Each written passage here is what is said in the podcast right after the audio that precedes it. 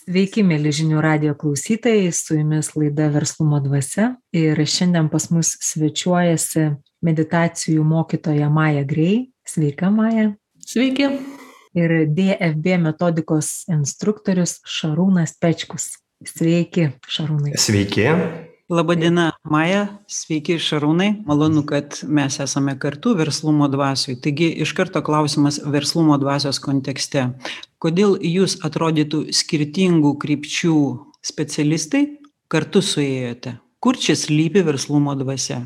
Turbūt tas banalus būtų pasakymas priešingybės traukia, bet aš turiu įtarimą, kad nėra tos priešingybės tenai nėra ir mes greičiausiai atstovaujame vis tiek tą patį požiūrį į žmogų, tik tai su skirtingu instrumentų rinkiniu. Ta prasme, vienas eina per vienas praktikas ir metodikas, kitas specialistas per kitas, bet e, giluminiam nusileidim, kaip čia jį pavadinti, gilyje, ne giluminiai vietai, mes matom tikrai labai panašiai žmogų, jo vietą pasaulyje, turbūt jo pajūtimą pasaulio. Tai Ir vėlgi prie verslumo dvasios, tai galima į tai žiūrėti kaip į konkurenciją, kaip į skirtingus dalykus.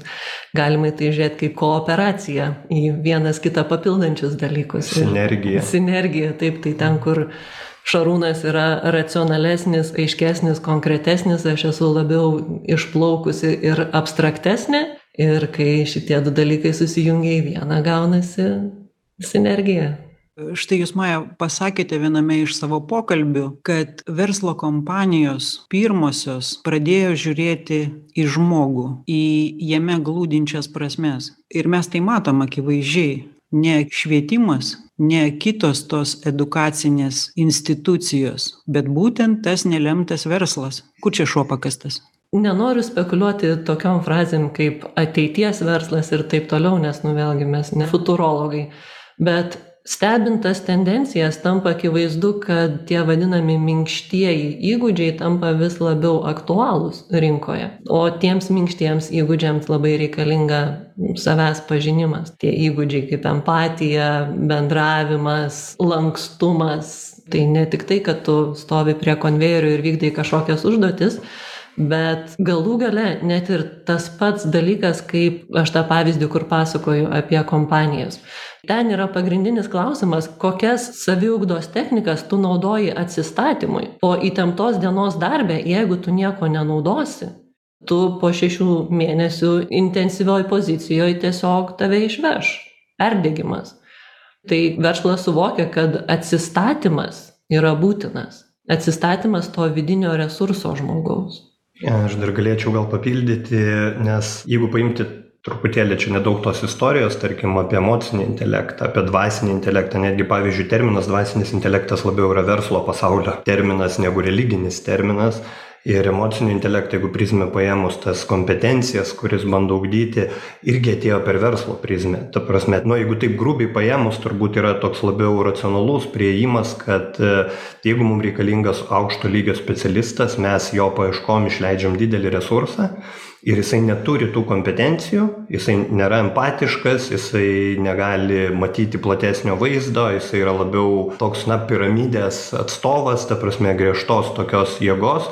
Šiuolaikinis verslas nelabai išgyvena. Ta prasme konkurencinės sąlygos lankstumas kuriam jis dabar turi būt pasiruošęs įskaitant jo visus vadovus reikalauja visai kitų kompetencijų negu ten griežtos kažkokios valios griežtų kažkokių nurodymų direktyvių nurodymų. Viskas tampa labiau horizontalu. Ir aš turiu net pavyzdžių kada su labai aukšto lygio vadovais labai tikrai top penki įmonėse buvo dirbama būtent su savireguliacinėm metodikom kokios jos daugeliui atrodytų gal mažai apčiuopiamos ne iki galo pagrįstos ir vadovai buvo labai dėkingi ir sakė kad būtent šį krizinį periodą mes praėjom tik dėka to kad mes užsiėmėm savimi. Ir jų užklausa buvo labai įdomi. Turėti daugiau energijos. Sako man reikia kad mano pavaldiniai turėtų energijos nes mes sako dabar eisim tokį sudėtingą etapą mūsų versle kad aš bijau kad kitaip bus šakės. Sakau čia jūs pagal adresą atėjot jeigu kalbat apie tai kad jum reikia energijos tos energijos tikrai bus. Ir e, jie panėrė į kelių mėnesių at, e, procesą saviugdos ir labai gražias frazes po to pasakė, sako, kiek be pasižiūri visgi Sako, kur aš bebūčiau, kokioje situacijoje aš bebūčiau, aš visą laiką esu su savimi. Ir jeigu aš geriau save pažįstu, aš labiau moku su savimi elgtis, vadinasi, aš galiu priiminėti geresnius sprendimus, aš galiu greičiau atsistatyti, aš galiu geriau suvokti, kas vyksta aplinkui mane, kas vyksta su mano ten, nežinau, kolegomis, kas vyksta su mano konkurentais žmogiškajam ligmenyje na būti tiesiog efektyvesnis. Tai verslas į tai pasižiūrėjo labai pragmatiškai ir deja bet labai daug metodikų labai gerų specialistų perėjo dirbti na tenai kur žmonės labiau yra pavadinkim racionalūs ir geriau supranta to naudą ir paprasti žmonės iki kai kurių metodikų jau ir nebeateina todėl kad tuos specialistus greitai užhedhantino didelius biudžetus turintys verslai. Jeigu verslas atveria tokias perspektyvas kurios veda į vidinius žmogaus resursus tai galima drąsiai teigti kad biblija yra viena iš praktiškumo mokyklų. Prieš aštuoniolika metų mūsų laidos autorius verslininkas augustinas rakauskas parašė savo pirmąjį straipsnį ir jį pavadino be biblijos tiesų neišsiversime kaip jisai pats teigia kad jėzus kristus yra vienas didžiausių dvasinių verslininkų nes jo ofisų yra po visą pasaulį bet žinot kaip vienas iš priesakų biblijoj yra toks kad švęskime sekmadienį. Į ką vedu? Jeigu prisimintume nepriklausomybės pirmuosius metus ir mūsų verslininkus kurie iš tiesų praėjo golgotą banditizmas reketas e, įstatymų nebuvimas praktiškai. Ir visos tos suirutės ir politinės ir ekonominės ir psichologinės ir emocinės ir kas išliko tas jau išliko. Ir žmonės dirbo septynias dienas per savaitę. Aukojo šeimas savo sveikatą. Ir kas susikūrė tą ekonominę gerovę nepriklausomybę tas susikūrė. Šiandien jūs teigiate kad galima dirbti mažiau lengviau greičiau ir užsidirbti. Atėjo nauja karta kuri nesutinka dirbti tais metodais alinant save. Kas čia įvyko mūsų visuomenėje pasaulyje man iš tiesų visą laiką dar netgi prieš pradedant šitas savęs paieškas visą laiką buvo labai įdomus tas vat x faktorius. Taip kodėl vienas dailininkas nuo ryto iki vakaro mokosi taiko visas žinomas praktikas ir teorijas ir jo paveikslus perka taip nu iš serijos nes labai paprašė. O kitas ateina kažką pataško ir yra talentas ir jo paveikslai pripažinti visam pasaulyje ir graibsto kovoja iš aukcionų už didžiausius pinigus. Tai man visą laiką labai įdomus buvo tas dalykas kuom skiriasi tas žmogus kuris viską padarė teisingai ir nu dirba per du darbus tam kad išgyventų šeima ir ką padaro tas kuris šoka dainuoja gerai keliauja sau gražiai gyvena ir atrodo per daug nieko nedirba tai man visą laiką buvo įdomus va tas dalykas kur ir aš tą sakiau kad aš iš tiesų atėjau į meditaciją norėdama mažiau dirbti ir daugiau uždirbti. Tai aš tą ir turiu omeny aš atėjau ieškoti to faktoriaus.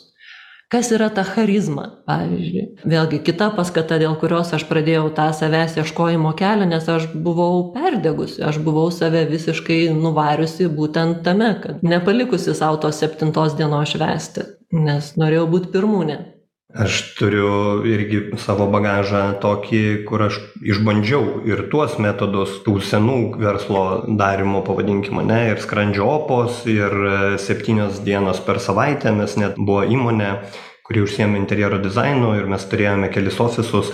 Ir vienas iš jų dirbo septynias dienas per savaitę. Tai jeigu reikėjo vadovo kuris gali pabudėti sekmadienį tai būdavau aš. Ta prasme tai visą laiką tą metodą tokį dvidešim valandų per dieną dirbti nes tai yra tavo verslas.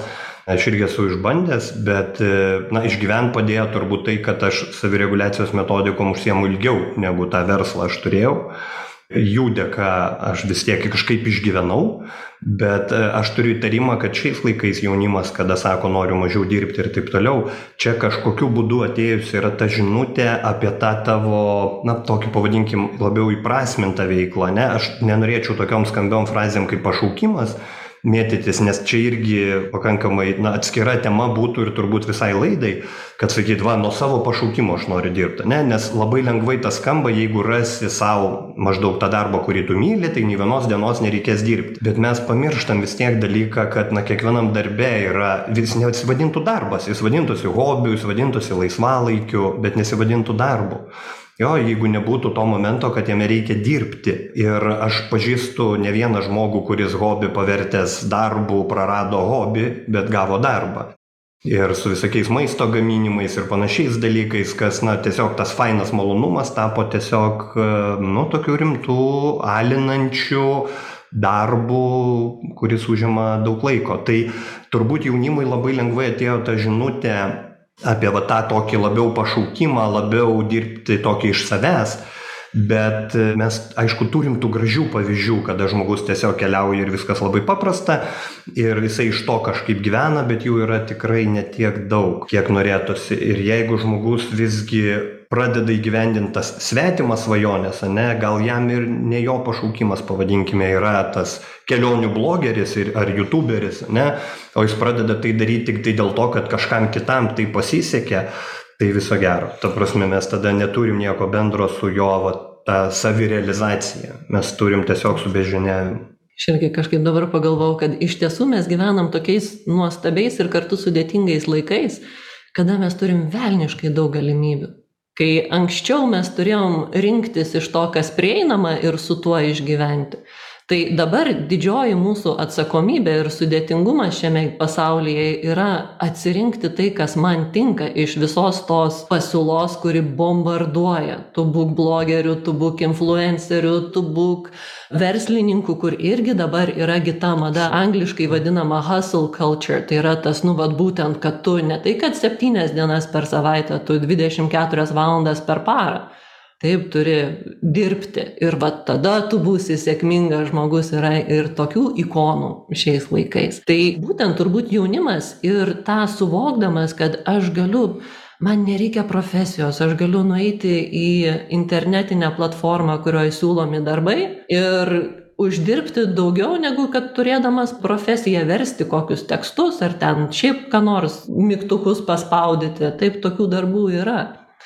tai va tas pasirinkimo laisvė ir kartu atsakomybė šiais laikais. Bet aš galvoju, ar mes būtume čia tie atstovai to pasakymo, kad dirb mažiau ir daugiau uždirbsi, nežinau, mes dirbam daug. Ta prasme, ir tikrai ta veikla, kokia jinai betrodytų, gal vedi mokymus, tarkim, online, mes dabar, kai tie online vis daugiau ir daugiau mes, okei, okay, galim pakeliauti iš skirtingų vietų tai daryti, bet tikrai mes dirbam daug. Tai čia nereikia šitoje vietoje apsigauti ir mes tikrai nesam turbūt atstovai to varianto, kad uh, mažai dirbi čia nežinau nuo pečiaus nulipi pravedi meditaciją ir vėl eini ant šilto pečiaus toliau guli.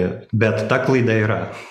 Maja pasakė du žodžius ir aš taip kažkaip sureagavau galvoju kaip čia? O paskiau supratau kad labai teisingai pasakė sako mes turime velniškai daug galimybių.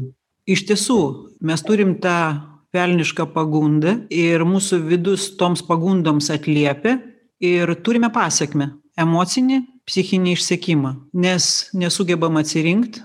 Žinot kaip teigia specialistai praktikai kad žmogaus smegenys vystosi iki dvidešimt devynerių metų maždaug. Ir kaip mes užsibrėžiame tikslus ir sprendžiam juos būdami dvidešimties dvidešim vienerių. Ir nelabai susigaudom o čiuožiame tuo emociniu savo kokteiliu kurį gaminame nuolatos. Tai labai greit išsenkame ir tada atbėgame pas jus. Ir štai visa plejada naujų specialistų o kartais ir naujai iškeptų labai greitai jie įveda mus į tą meditacijų jogos įvairių asanų tą pasaulį kuriame mes tiek užsimirštam kad nebenorime sugrįžti.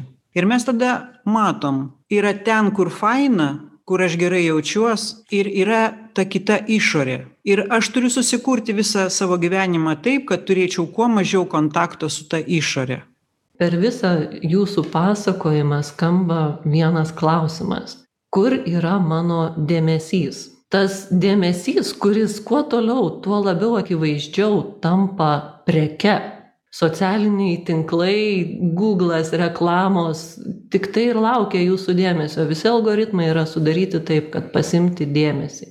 Ir tai, ką mes su Šarūnu darom, ir yra būtent tas didelis akcentas į dėmesio valdymą. Kaip man išmokti valdyti savo dėmesį taip, kad nebūtų juoda balta, kad nebūtų karšta šalta, kad nebūtų priešai išorėje ir draugai mažam jogos burelėje. Kaip sukurti tą vidinę ašį, su kuria aš galėčiau keliauti per įvairiausias situacijas ir manęs jos neištaškytų. Visiškai palaikyčiau tą dalyką, kad e, mes apie tai irgi bendraujam ir kalbam ir bandom kažkaip, kad žmonės susimastytų apie tai, kad tai nėra pabėgimas, neturėtų būti pabėgimas. Ta prasme, tas užsiemimas savimi, taip, kada mums reikia, žinot, kaip, nu, aš nežinau, įsiaugdyti kažkokius raumenis, ne, ar tą, vad, ką Maja vadina stuburą ašį, ne, taip, mums gali reikėti kartais tokių intensyvesnių pasibuvimų su savimi, jeigu mes ateinam iš tokio visai išbarstyto, išdarkyto savęs, kažkokio konfliktinio, kažkas mums nesigauna gyvenime ir mes pagaliau atrandam kažkokias metodikas, kurios mus gražina į save, į tą ryšį su savimi. Mums gali reikėti truputėlį laiko, kad tą ryšį sustiprinti prieš jau taip vėl grįžtant, jeigu tai yra va į tokią, nu, socialinę konkurenciją, į tą va visą tokią terpę bet jokiu būdu neužsibūti tenai. Bet kokios savireguliacijos metodikos, bet kokios meditacijos neturėtų būti pabėgimas nuo pasaulio. Tai turėtų būti mūsų dalis, galbūt mūsų ta sakrali, vidinė kažkokia dalis, bet tai ir yra tas mūsų stuburas. Jeigu nėra to stuburo, mes pabėgę atgal į tą visą virtinę visų pasirinkimų, bombardavimų, pasiūlymų, kas teisūs, kas neteisūs, kovos, visokie mes, jie ir visi kiti dalykai, ta pati konkurencija, viskas su ja yra labai puiku. Bet jeigu mes tos ašies neturime, mes labai greitai po penkių metų vėl atsibundam ir galvom, Dieve mano, vėl kažkokiu malku prisiskaldžiau, vėl kažką darau ne tai, ką noriu, ne tai, ką žadėjau, ne tai, kas mane traukia ir vėl man blogai su sveikata, blogai su santykiais, blogai su savęs pajautimu, su pasaulio pajautimu. Ką daryti? Va, turėjau neseniai tokį pokalbį, mergina dalinosi, sako, aš kai atradau va, tam tikras technikas, man jos labai padėjo, bet tada susitvarkė gyvenimas ir aš viską pamiršau. Ir dabar vėl aš ieškau naujų technikų, nes vėl tas gyvenimas subirėjo. Tai va ta prevencija žmogaus to užsiemimo savimi turėtų būti tokia pati, kaip aš nežinau, jūs nuo automobilį prižiūrite, ne? Vieni laukia, kol variklis iškris vidury gatvės, tada keis tepalus ir kažką darys, kiti užsiema savimi, kad jisai galėtų vis efektyviau ir sėkmingiau veikti ir išorėje. Ne tik viduje, bet ir išorėje. Ir va tas pabėgimas, kad ten mano burelį yra viskas puiku, o čia tas blogas pasaulis, na, čia jau yra irgi nelabai geras dalykas. Ta prasme, tai jau yra ignoravimas to išorinio pasaulio. Jūs paėmėt pavyzdį apie automobilį, bet yra dar kitas variantas ir aš siūlau truputėlį link tuo pavyzdžių pasukti ir mūsų klausimą. Bet yra ir tokių vairuotojų, kurie pirkdami automobilį galvoja, kad kuo jisai mažiau terštų aplinką. Tai kada aš pradedu medituoti, kiek aš turiu praeiti dar etapų, Maja, kad mano intencija būtų tokia, gal aš labai taip jau keistai nuskambėsiu, bet jeigu jau mes kalbam, vadinasi, laikas ateina, jau tam kaupėsi energija, kad e, kiek mano šita būsena bus naudinga tam pasauliui. Nes aplinkui ten yra daugybė žmonių ir aš žinau, kaip veikia tie dvasiniai dėsniai, kad ką aš skleisiu, tiek jiems bus geriau, mano draugui, kolegiai, vaikui, jie visi pajaus tas mano vibracijas ir tarp mūsų jau vyks šita sinergija. Kada aš turiu štai tokį ketinimą. Vienareikšmiškai taip ir yra. Ir netgi nežvelgiant į kažkokias gilias dvasinės materijas yra akivaizdus pavyzdys, kaip tarkim, kada aš priimu sprendimą iš baimės ir trūkumo, o kada aš priimu tą sprendimą iš ramios tokios pasitikėjimo vietos. Tai yra absoliučiai skirtingi sprendimai absoliučiai skirtingos smegenys. Net yra įdomių tyrimų apie tai, kad mes, kai esam streso būsenoje, mūsų intelektas krenta, intelekto koficijantas krenta. Tai yra akivaizdu, kad kai aš esu ramus, aplinkui mane visi ramesni ir net ne tiek dėl kažkokių vibracijų, o tiesiog dėl mano paties kaip to kuriančio elemento. Tai jeigu aš ateinu namo visa įsitempusi, natūralu, kad visi aplinkui mane įsitempia ir tos situacijos, kuriuose aš įsitempusi tai veidrodžiuoju, jos virsta konfliktais. Bet grįžtant prie klausimo, kiek laiko reikia medituoti, aš tą klausimą labiau perfrazuočiau, kam žmogui iš viso reikalinga meditacija. Vienas ją naudos tiesiog būtent va, tokiam nusiraminimui kaip rekreacijai, Ir tai tikrai bus tas valanda savo pabėgimas nuo viso pasaulio, tiesiog palikit mane ramybę, aš noriu pabūti su savim, tam, kad atstatyčiau savo resursą ir galėčiau grįžti ir atlikti savo funkciją. Bet kažkur ten, besilsint, įvyksta įdomus dalykas. Kai tu atrandi tą save, meditacija vienaip ar kitaip jį atveda iki to, kad palauk, tai ne tik tai gyvenimas su manim vyksta, bet ir aš kažkaip tame dalyvauju. Ir tas aš, ta aš patirtis yra pats saldžiausias dalykas visam gyvenime. Kai žmogus tą atranda ir iš išorės klausantis tai atrodo banalu, nu tai taip, aš dalyvauju, aš darau valgyti, aš einu į darbą, aš kuriu. Bet tas aš, kuris yra ne tik tai funkcija, bet esatis, kai žmogus prie to prisiliečia, va tada ir prasideda ta transformacija išoriniam pasaulyje, kada tu nori tapti sąmoningu, kuriančiu elementu savo gyvenime. Ačiū Maja, Šarūnai, dabar turim trumpam staptelti, gerbiami žinių radio klausytojai, netrukus susitiksime antroje laidos verslumo dvasia dalyje.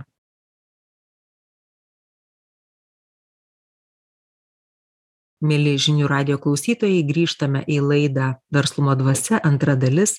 Priminsiu, kad šiandien kalbamės su meditacijų mokytoja Maja Grei ir DFB metodikos instruktoriumi Šarūnu Pečkumi.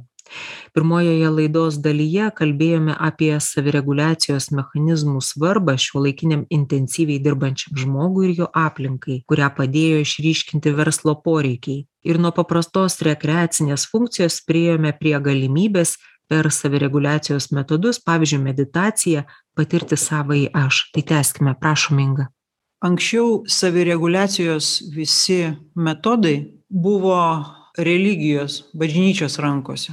Šiandien atsitiko taip, kad būtent verslas ir jau toliau socialinės institucijos, pavadinkim taip, pradėjo derinti prie tų sąlygų būtiniausių, kad kiek galima labiau pritraukti, kad žmogus galėtų ištemti kuo ilgiau laiko dirbdamas prie tų staklių. Šiandien 21 amžiuje mes pasiekėm tokį jau lygį, kad savireguliacijos tie metodai virsta visiškai naujų dalykų jie apima visą žmogų ne tik socialinę sritį bet ir lenda į tokias vietas aš jūsų pokalbyje pastebėjau netgi tokių momentų jūs taip nevardinate bet netgi galima drąsiai teigti kad kalbama vos ne apie kvantinę fiziką.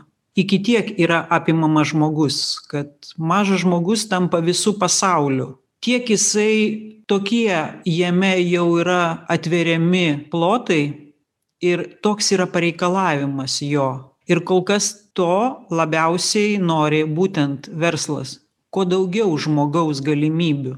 Jūs esate tas kuris su tuo dirbate verslas lyginant turbūt šiaip su žmogumi jis yra labai pragmatiškas ne? Ir jisai labai mato labai greitai pradeda pastebėti kad prieš tai verslui atrodė kad ai nu kas čia vidinis žmogaus pasaulis? Ta prasme man yra svarbu funkcija kurią jisai atlieka ir kad jis tą funkciją atliktų kuo geriau dabar mes matome truputį kitokį požiūrį ypač moderniam versle kad labai svarbu nuo tokių paprastų dalykų kaip sukurti jo darbo vietą panašią į namus į kažką kad jam kažkoks būtų jaukumas iki labai gilių prasminių dalykų. Ta prasme kokia jo prasmė kad ne tik įmonė turi savo viziją ir misiją ne?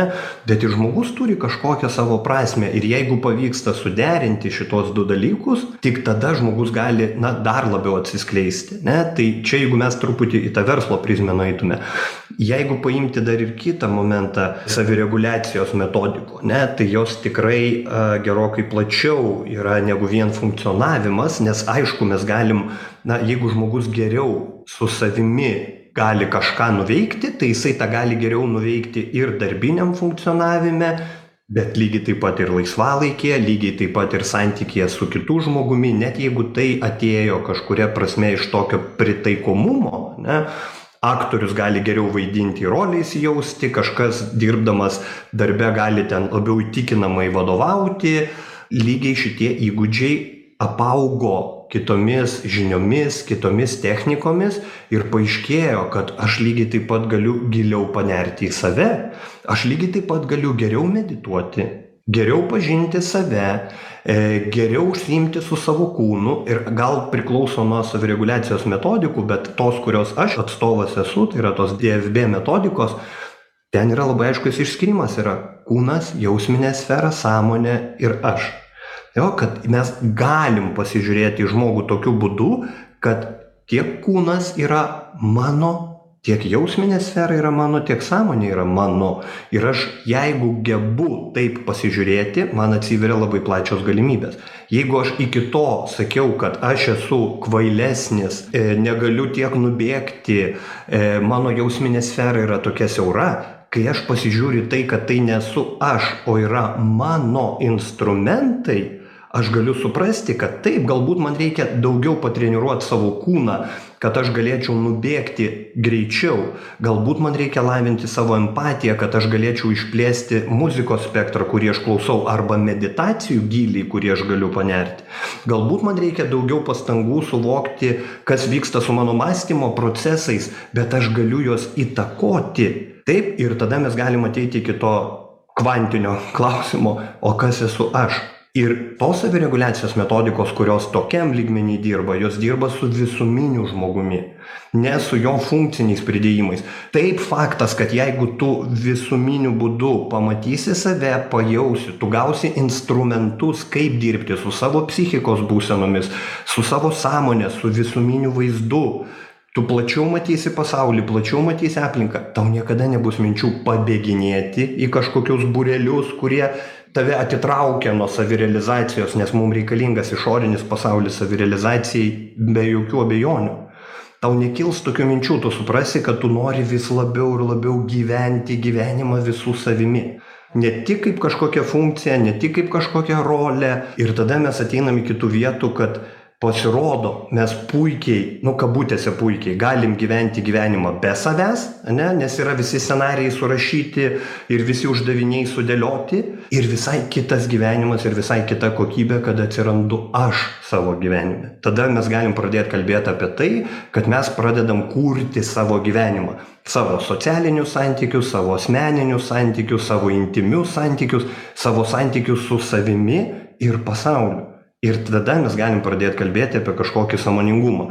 Iki to tai yra žaidimai tai yra aš ir mes kovos kur kas labiau rėkia žmogus labai lengvai kadangi vis tiek mes esam ir socialiniai individai labai lengvai susitapatina su tais kurie garsiau rėkia ir visiškai pamiršta save. Ką mes bandom su maja paskutiniu metu tą žinutę atnešti kad nu jeigu jūs kalbat apie save jeigu jūs užsiemat kažkokiom savireguliacijom dvasinėm kažkokiom technikom saviugdom tai kodėl jūs pamiršot save?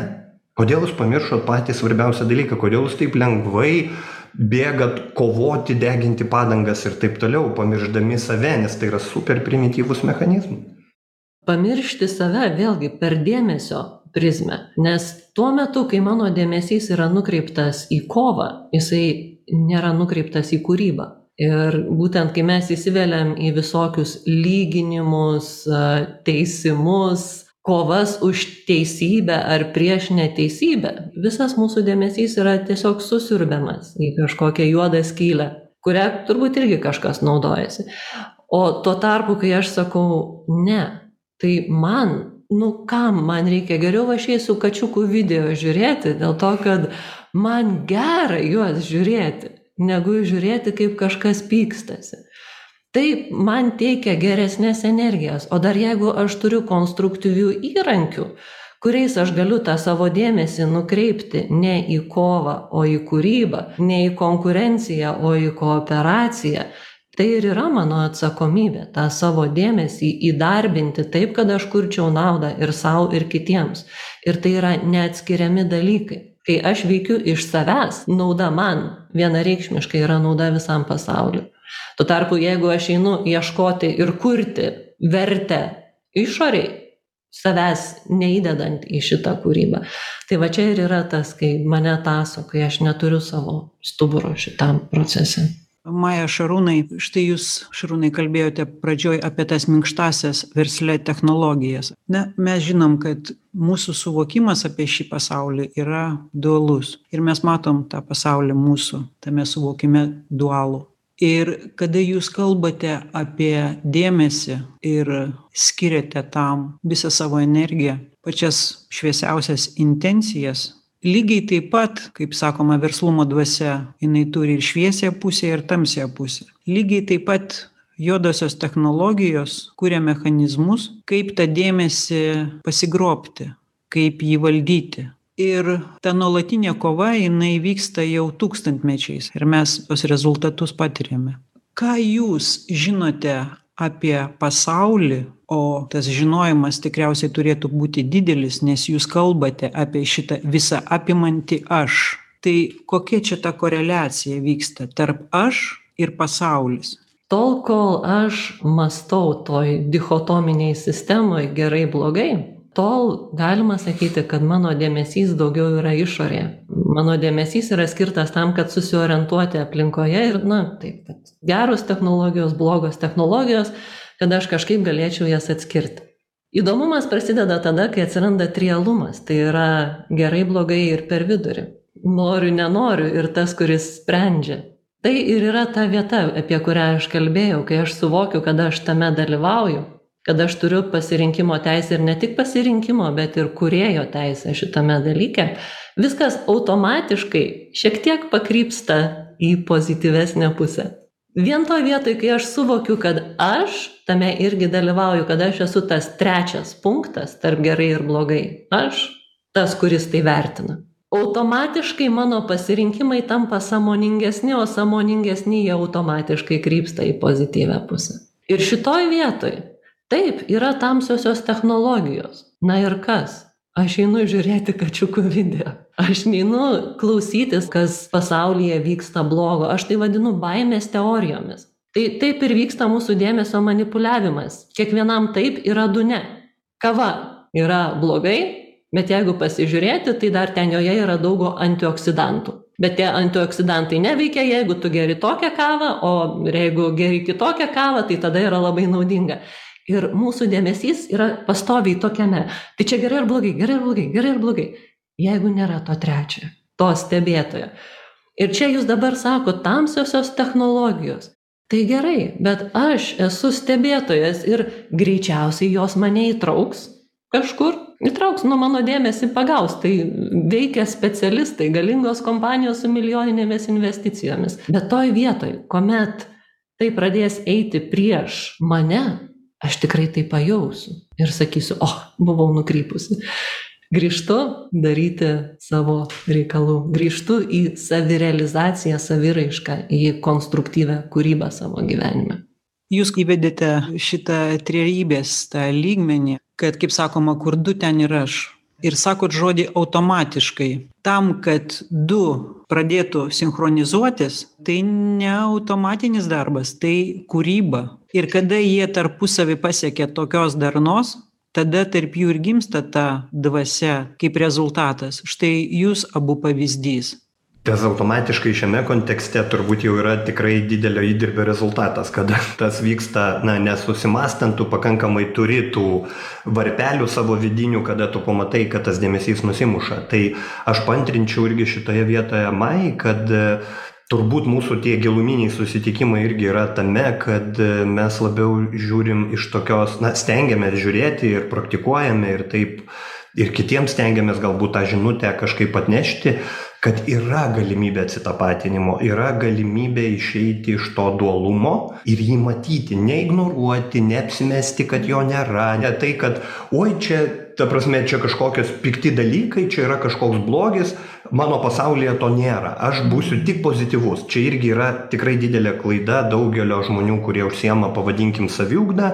Tas išoperavimas visokių neigiamų ten ar emocijų patyrimų nematymas to pasaulio kad atseit čia manyje turi būt tiktai geros vibracijos. Taip galbūt turi būti bet tu negali to išsioperuoti. Tu gali su tuo dirbti tu gali matyti kaip tave užkabina kažkokios tos technologijos bet turbūt čia ir yra ta saviugda ta savireguliacija tas dvasingumas kad tu gali truputį atsitraukti nuo to dualumo ne kad tai atsiranda toks dalykas kaip savirefleksija o ne savikontrolė ne savimonė o ne savikontrolė ne saviplaka kažkokia kada atsiranda tas gebėjimas atsitraukti. Ir kas tai bebūtų? Išorinė įtaka mano kažkokios emocijos mano nekonstruktyvios reakcijos. Gali matyt visą laiką dualumą gali matyt juoda balta tai yra labai nesudėtinga nes sąmonė ta automatiniam lygmeny yra dichotominė iš tikrųjų. Labai lengva suprast jeigu šitie yra geri automatiškai tie yra blogi. Jeigu čia yra sveika automatiškai ten yra nesveika tai čia tik automatiniam lygmeny. Jeigu tu gali atsitraukti nuo to jeigu tu turi kažkokius sąmonės instrumentus kurie sako okei mes galim įskaičiuoti ir pliusą ir minusą bet mes galim nuo to atsitraukt ir pamatyt kad yra trečias variantas. Jeigu tau sako galima eiti tik į kairę ir į dešinę kurį variantą tu renkiesi taip tave įstato į dualumą. Bet tu gali apsisukti tu gali eiti tiesiai tu gali eiti viršų gali eiti apačią nėra tik kairė dešinė. Čia labai lengvos tokios na manipuliacinės technikos. Mes matome tai dabar visuomenėje labai graudu į tai žiūrėti bet tai yra super primityvūs mechanizmai kaip yra pagaunama. Ir žmonės užsidėję lozungus super pažinimo savęs super sąmoningumo nemato kad yra pagauti į elementarius sąmonės mechanizmus.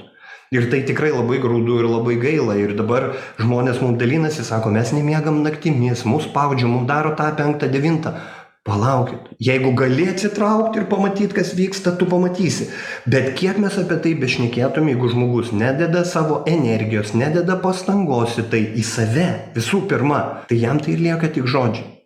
Viename pokalby klausiau majos ir ji pasakojo kaip medituodamas žmogus pasakojo kaip jis negalėjo susikaupti. Ir jam kažkokie neigiami dalykai ten lindo lindo lindo meditacijos metu. Ir vėliau jame gimė naujos įžvalgos. Į ką aš bandžiau vesti kad tas dualumas čia gi yra dėsnis. Ir pliusas ir minusas tai yra neatsiejama. Kaip jūs gi kalbate kur mūsų dėmesys? Maja kaip atsitinka koks čia procesas kad e, iš neigiamo aš galiu pakilti į tą aukštesnį lygmenį meditacijos metu.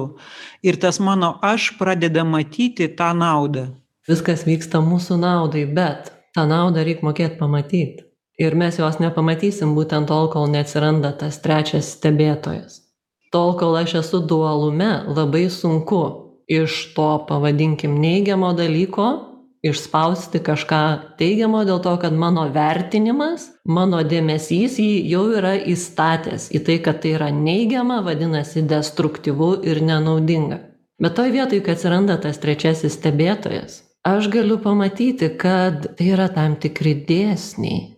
Tai yra tam tikros taisyklės mano viduje ir tos taisyklės teka per visą pasaulį per visą pasaulio vaizdą. Ir tu gali pamatyti kad viskas turi prasmę kaip ir jūs minėjot mes esam tie žmonės kurie kuriam tą pasaulį kuriame mes gyvenam ir prieš kurį po to patys kovojam jeigu atimti tą paskutinį žingsnį kai mes jau susiveliam tame dualume ir pradedam su tuo kovoti tu gali pamatyti tą kuriantį srautą kuris teka per viską per sociumą per pasaulį per istoriją per mano gyvenimą per mano šeimos liniją. Ir tarsi visas gyvenimas veda prie to kad tai vyksta tavo naudai kad tu paaugtum kad tu praturtėtum kad tu išeitum už to ribojančio savo kažkokio suvokimo ir patirtum save daugiau. Tai tai ką mes dažnai vadinam tas tikrasis aš tai to tikrojo kaip ir galutinio tokio nėra. Tai yra tiesiog tikresnis aš kiekvieną dieną. Tas yra kai aš sugebu pamatyti kad tai yra mano kelionė ir kiekvienas laiptelis toje kelionėje veda aukščiau neužsivelti o kodėl šitas laiptelis buvo žemesnis negu mano kaimyno laiptelis? Ar kodėl galbūt aš nuo to laiptelio nuslydau ir nusiritau atgal? Kartais reikia ateiti būtent iki to skardžio nuo kurio tu nugriūsi tam kad prisimintum kad gali skrist. Tai šita prasme apie tai ir kalba išminčiai kad galbūt nėra klaidų tavo gyvenime. Taip kad viskas yra pamokos. Pamokos, kurios padeda tau paaukti. Aš sakyčiau, kad klaida yra tada, kai aš sąmoningai renkuosi pakengti kitam arba savo. Nu, tai yra klaida, kuri ilgainiui taip, taip pat išauga į tam tikrą naudą, bet kai aš tai darau sąmoningai, tai yra labai didelė tos pamokos kaina. O kartais mus tiesiog kažkokia jėga veda. Veda per tai, ką mes galim racionaliai vertinti kaip klaidingi sprendimai ar ten kažkokios blogos situacijos, bet kai pažvelgi atgal iš tos trečiojo stebėtojo pozicijos, tu gali pamatyti, kad kažkokia jėga mane vedė per visą tai. Greičiausiai tai buvo pati trumpiausia trajektorija, kaip Taip. tu galėjai ateiti. Faktas tuo metu, kai skauda, taip netrodo. Skirybos, netiktis, bankrotai, tikrai tuo metu taip netrodo. Bet kai truputį jūra nusiramina, jeigu tai visgi mes atgrįžiam į save, nei kažkokią destrukciją, nekaltinimą išorį ir taip toliau, į na, tą savęs augimą, tai mes pamatom, kad tai buvo turbūt pati trumpiausia, pati geriausia trajektorija prie mano kombinacijos kurioje aš esu asmenybės visų individualybės dalykų visų trajektorijų gyvenimo ir taip toliau. Greičiausiai tai buvo pats trumpiausias būdas kaip man grįžti ir ateiti ir atsigręžti į save mhm. ir būtent kalbant per verslumo dvasią tai ir yra pats efektyviausias problemų sprendimo būdas pats efektyviausias požiūris kuris padeda spręsti visas problemas Jeigu kažkokia problema ateina į mano verslą, ji ateina tam, kad aš ją išsprendęs galėčiau turėti geresnį verslą. Kad Taip, aš, kaip mes taip. savyje įsprendžiam kažką ir pamatome, kad, bet kaipgi nutinka netgi dažnai po įvairių mokymų, kad žmonės sužinodami, pavyzdžiui, apie kokį efektyvesnį dialogo principą, jie pamato, kurioje vietoje jie santykiuose darydavo klaidas net su savo mylimais žmonėmis jie nustoja tai daryt niekas daugiau nepasikeičia jų viduj pasikeičia suvokimas ir jie pamato kad jų antra pusė visai faina tu savyje darai tą pokytį ir tas pokytis kaip bangos nuvilnija aplinkui tave kurdamas tą didesnę darną. Tai tie kurie versle jeigu jie tai daro sąmoningai tai tikrai aš galiu nuimti visas ten daug kepurių nuo savo galvos lenkdamasis žemai kada jie kuria sąmoningą verslą ir jie mato ką jie daro kaip jie padeda kitiem žmonėm realizuotis kaip jie patys realizuojasi kurdami tuos tvarius verslus atsakingus verslus ir realizuodami kažkokį savo vidinį pašaukimą savo vidinį nežinau tiesos suvokimą. Paskutinis klausimas ir prašau suriškite jį su palinkėjimu mūsų klausytojams. Ką jums reiškia nusižeminimas? Tas žodis nu tarkim jeigu aš jį pakeisčiau žodžiu nuolankumas tai labai dažnai yra trūkstamas ingredientas tame dvasinių paieškų kelyje. Nuolankumas kaip suvokimas to kad aš turiu savo kelią tą kelią kurį aš savo jėgomis kuriu bet yra ir kita jėga kuri yra aukščiau manęs tai nuolankumas ar nusižeminimas jisai dažnai pastato mane į tą vidurio poziciją. Tai mano palinkėjimas, jeigu su šituo žodžiu susijusi, tai yra apie prieimimą. Prieimimą savęs didžiajam paveiksle. Nežiūrint, kad esu aš prieš didelį pasaulį, o esu aš dideliam pasaulyje. Tai mano toks palinkėjimas - matyti save didesniam kontekste savo vietoje jeigu pasižiūrėjus iš tos pusės kad mes nusižeminimas ane jeigu tokie esam truputį susireikšminę ne tai va tas momentas e, grįžimo į save grįžimo į girdėjimą savęs susiklausymą savęs ir e, buvimo tokio su savim ir su aplinka. Tai jeigu dėl to reikia nusižeminti tai labai linkiu ir klausytojam ir sau pačiam vis dažniau ne prisiminti nes mūsų profesija tokia yra kad e, daug tų projekcijų žmonės išneša kad mes tokie neva čia viską žinantys ir viską galintys bet e, taip nėra. Mes irgi esame savo kelyje savo misijoje kažkokioje ane savo profesijoje ir mum tenka ir su malonumu tai darome ta prasme nusižeminti tai yra nulipti nuo to kalno ir kalbėti tikrai paprastais dalykais pačiam daryti paprastus dalykus kurie galbūt nėra tokie su dideliais lozungais bet jie yra paprasti jie yra faini jie yra budinantys galbūt savo sielą ir sielas aplinkui mus. Tai linkiu tos darnos su savim ir jeigu dėl to reikia paminti kažkokius savo asmenybės ambicijas padarykite tai nieks nenukentės visi tik laimės nuo to Labai ačiū mūsų pašnekovams, meditacijų mokytojai Majai Grei ir DFB metodikos instruktoriui Šarūnui Pečkui. Dėkui. Ačiū. Mėly klausytojai, įlinkime Jums gražios savaitės. Su Jumis buvo verslumo dvasia. Iki kitų susitikimų.